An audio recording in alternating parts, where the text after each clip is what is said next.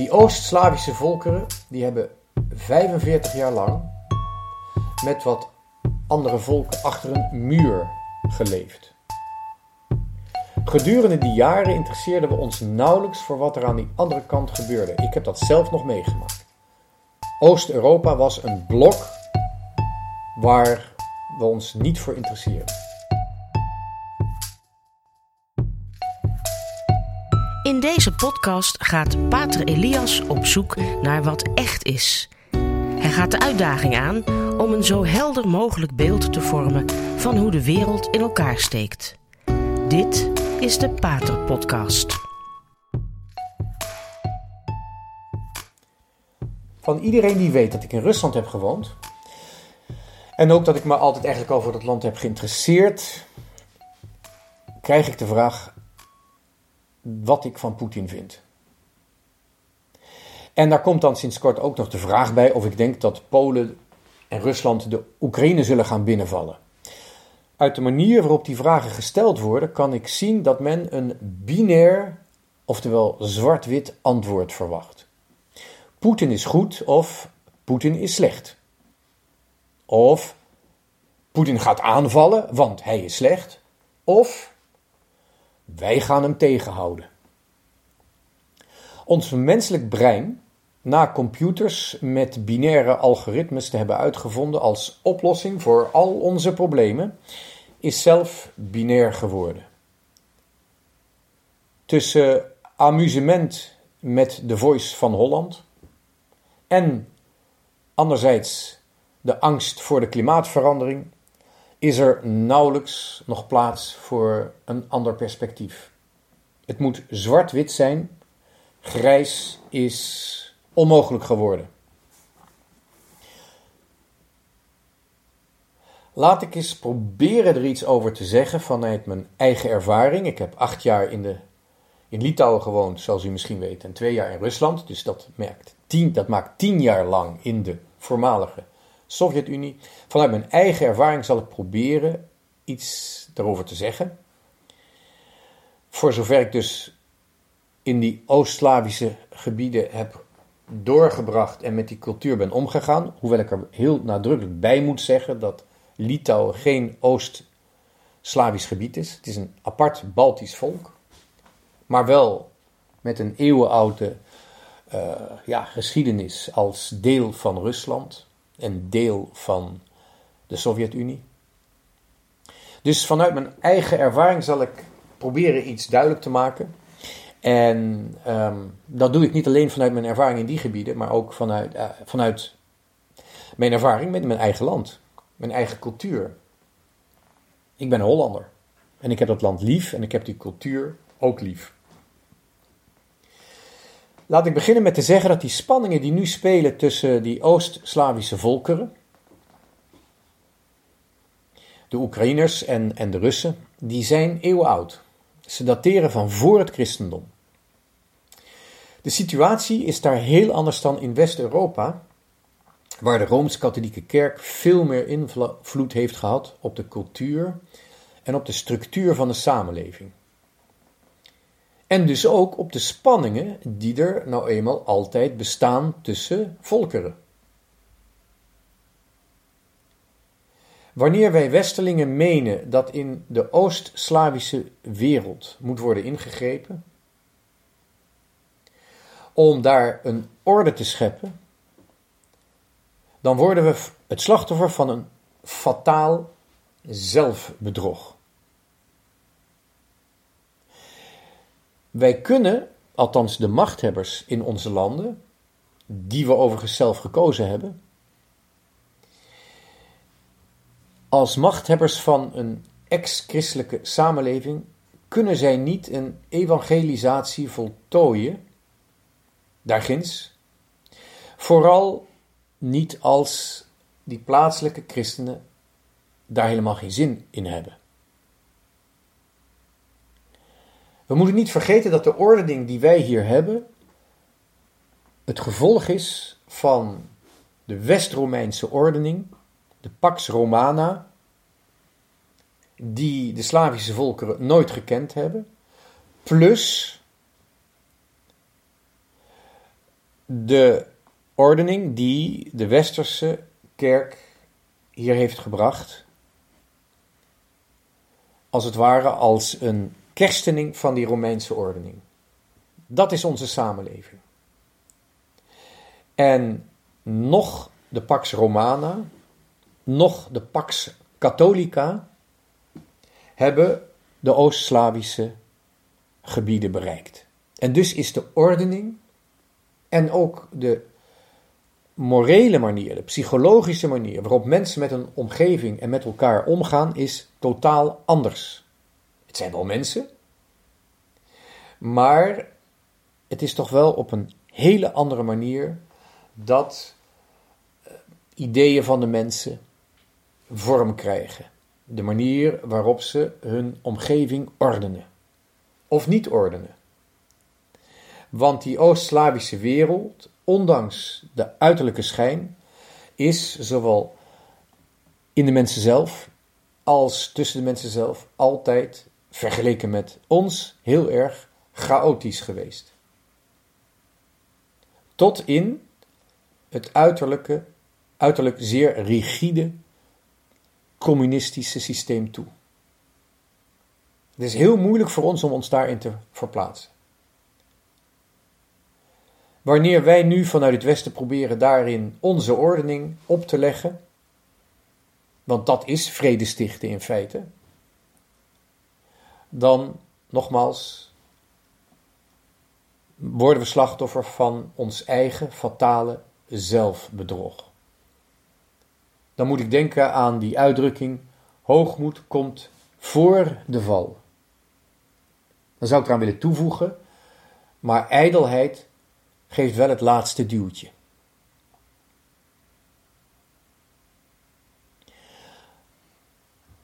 Als gevolg van atheïstische revolutie overigens hebben die Oost-Slaven daar in het verleden wel eens vaker verdwaasde westerlingen op het erf gehad.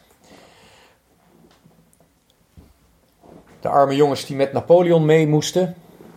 En de arme jongens die met Hitler mee moesten naar het oosten. Die hebben daar nauwelijks sporen achtergelaten, behalve dan heel veel van hun eigen graven. Daar zouden we even stil bij moeten staan.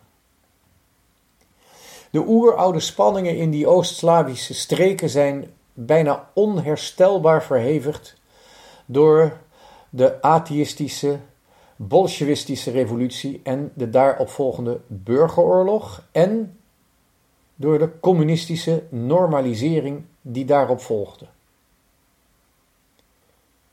Grenzen zijn arbitrair getrokken.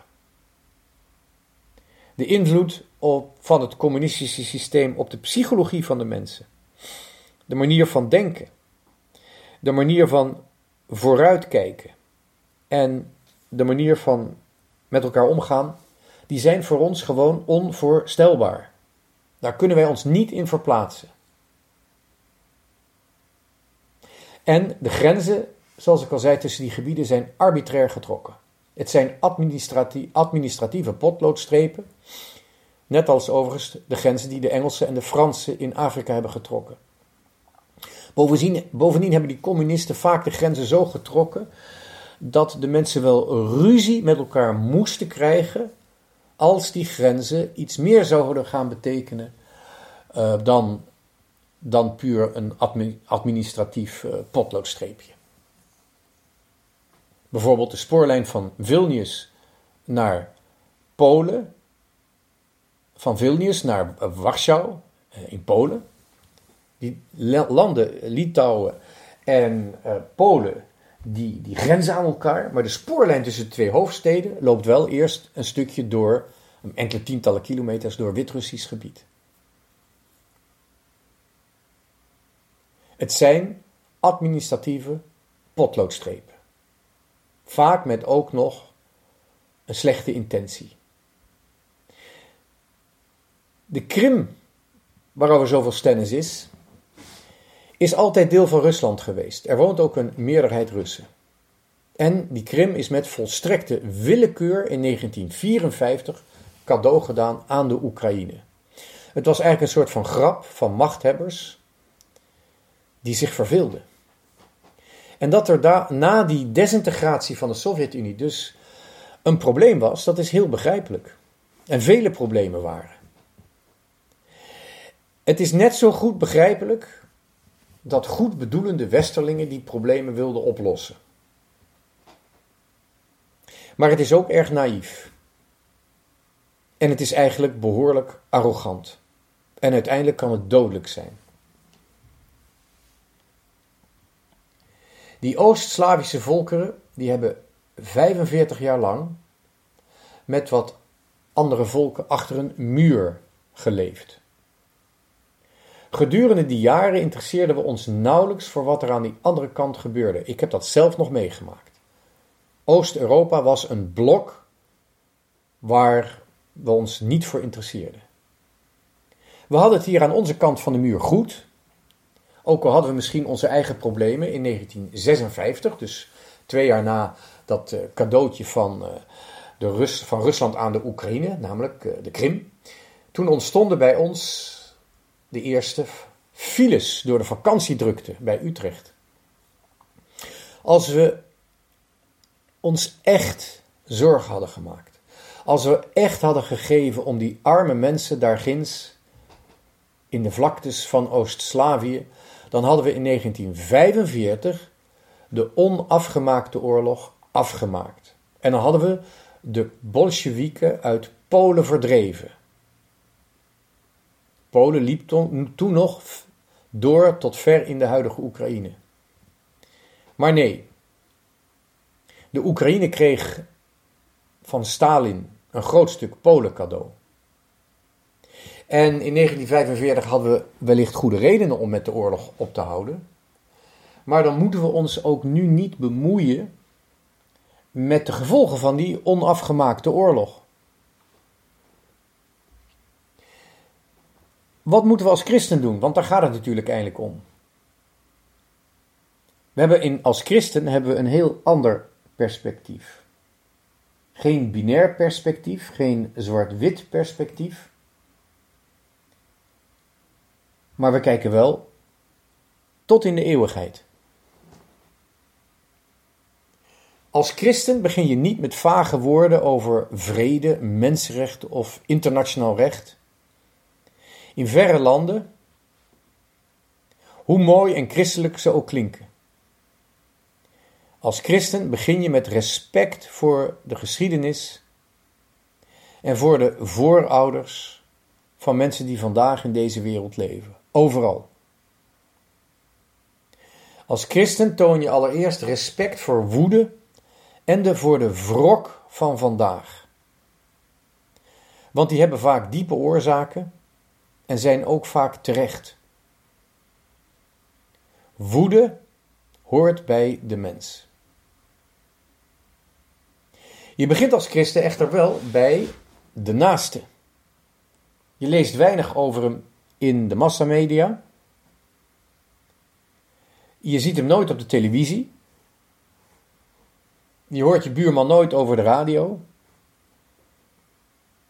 Maar je ziet, hoort hem iedere dag. In de winkel, in de tuin, in het trappenhuis of in de lift. Daar begint onze blijde boodschap. Hoe saai dat ook kan zijn. Of hoe vervelend of moeilijk dat ook kan zijn.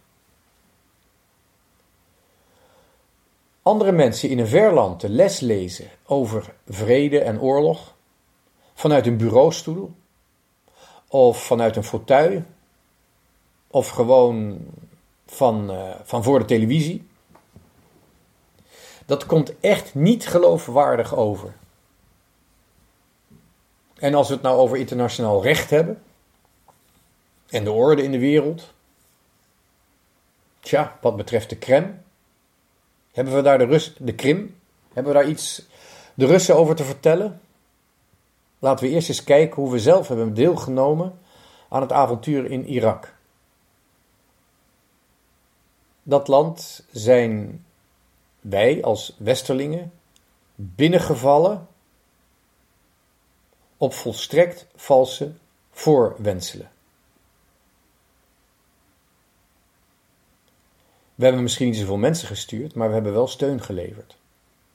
We waren het ermee eens.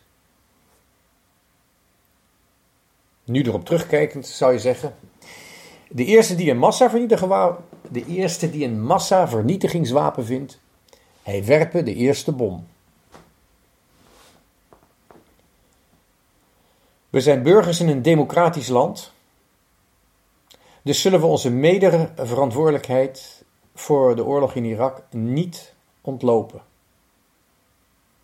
Zeggen dat we geen dienstplichtigen hebben, maar professionele militairen die daarvoor hebben gekozen, dat is een slap excuus en het is bovendien een vorm van verraad. Ook professionele militairen worden gestuurd door machthebbers die wij zelf gekozen hebben.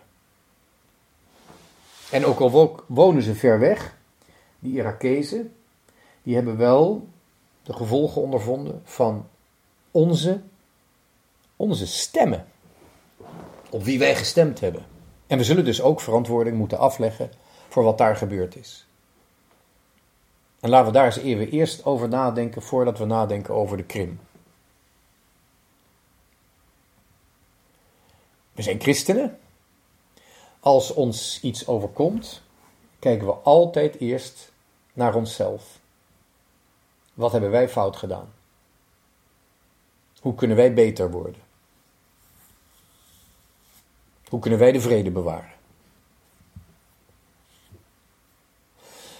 Ten slotte, wat, uh, wat Poetin betreft, vind ik hem aardig of vind ik hem niet aardig? Maakt het uit of ik Poetin aardig vind of niet? Nee. Hij wordt in Rusland zeer gewaardeerd en daar zijn redenen voor. Waar ik verder niet op in hoef te gaan. Ik ben veel banger voor de dementerende, machtigste man ter aarde die nauwelijks meer uit zijn woorden kan komen. We moeten allemaal met een plaatsvervangende schaamte zien hoe het brein van de machtigste man ter aarde, waarvan wij min of meer een ondergeschikte zijn, hoe dat brein al niet meer binair is en af en toe zelfs grijs niet meer van knalrood kan onderscheiden. Ik ben veel banger voor de Amerikaanse president dan voor de sluwe vos in Moskou, die wel heel goed weet wat zijn grenzen zijn. Poetin is geen ex-KGB'er, want die bestaan niet. Je hoort erbij voor je hele leven. Poetin is een KGB'er, ook al is de KGB inmiddels voor de zoveelste keer van naam veranderd. Het heet de FSB. Poetin is een FSB'er en hij is geen koorknaapje en hij is geen misdienaar. Laten we daar wel even bij onthouden dat Rusland altijd ook de tsaren, onder de tsaren, Rusland heeft altijd moeten spioneren om de race van de volkeren bij te houden, maar nog veel meer om haar eigen volk in de gaten te moeten houden, om de orde te bewaren. Nogmaals, Rusland, de Russen, de Oost-Slaven, die missen de rationele ordening, zowel in zichzelf als in hun samenleving. Ze missen die rationele ordening die wij van de Romeinen en van de katholieke heiligen hebben georven. We kunnen dus gewoon zakelijk omgaan met Poetin en met zijn kornuiten, die gelukkig geen kameraden worden genoemd. Maar we moeten natuurlijk wel op onze spullen letten. We hoeven niet naïef te zijn. Niet als wereldverbeteraars, maar ook niet als gastheren.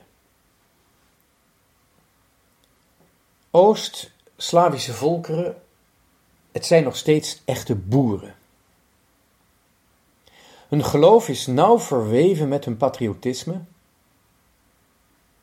En daarom is ook een oprechte ecumene op niveau van het kerkelijk instituut eigenlijk een onbegonnen zaak. Het christendom, waarin het filioque eigenlijk eerst is genegeerd en daarna heftig is ontkend, het filioque, de Heilige Geest, komt voort uit de Vader en uit de Zoon in een eenheid. Dat christendom heeft nooit werkelijk de mensen tot mede verantwoordelijk gemaakt in hun eigen heil, in hun eigen verlossing. Daarom is over het algemeen de Oost-Slavische christen heel fatalistisch. Hij zal niet proberen zijn omgeving te veranderen, hij zal proberen zijn omgeving te overleven. En de leiding, de machthebbers, moeten daarom, of ze willen of niet, ook vaak als potentaten, als dictators optreden. Om wat beweging te krijgen in die passiviteit en in die chaos.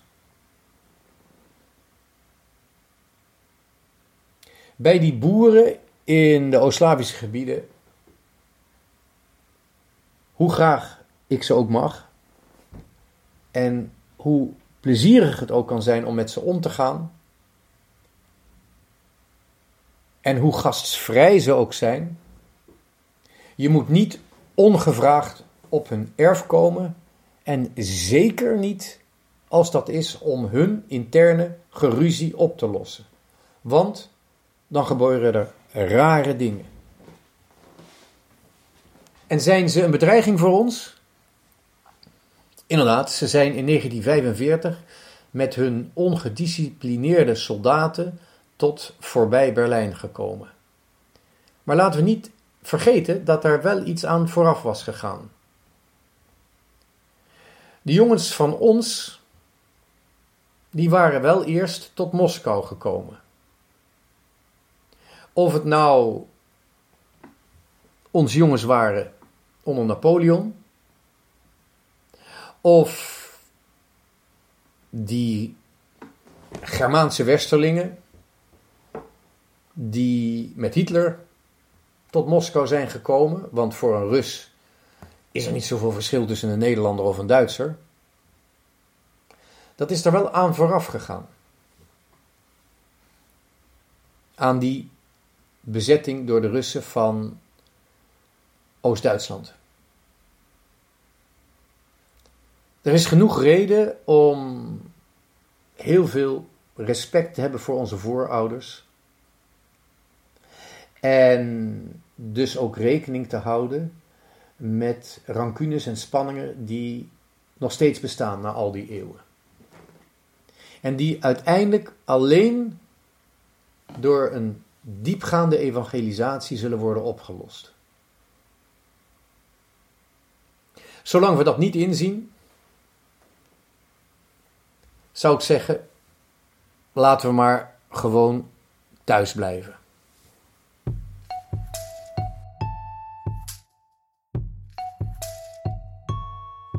Dit was de Radio Maria Pater Podcast met Pater Elias. Deze podcast is online terug te luisteren via de website van Radio Maria en andere podcastplatforms.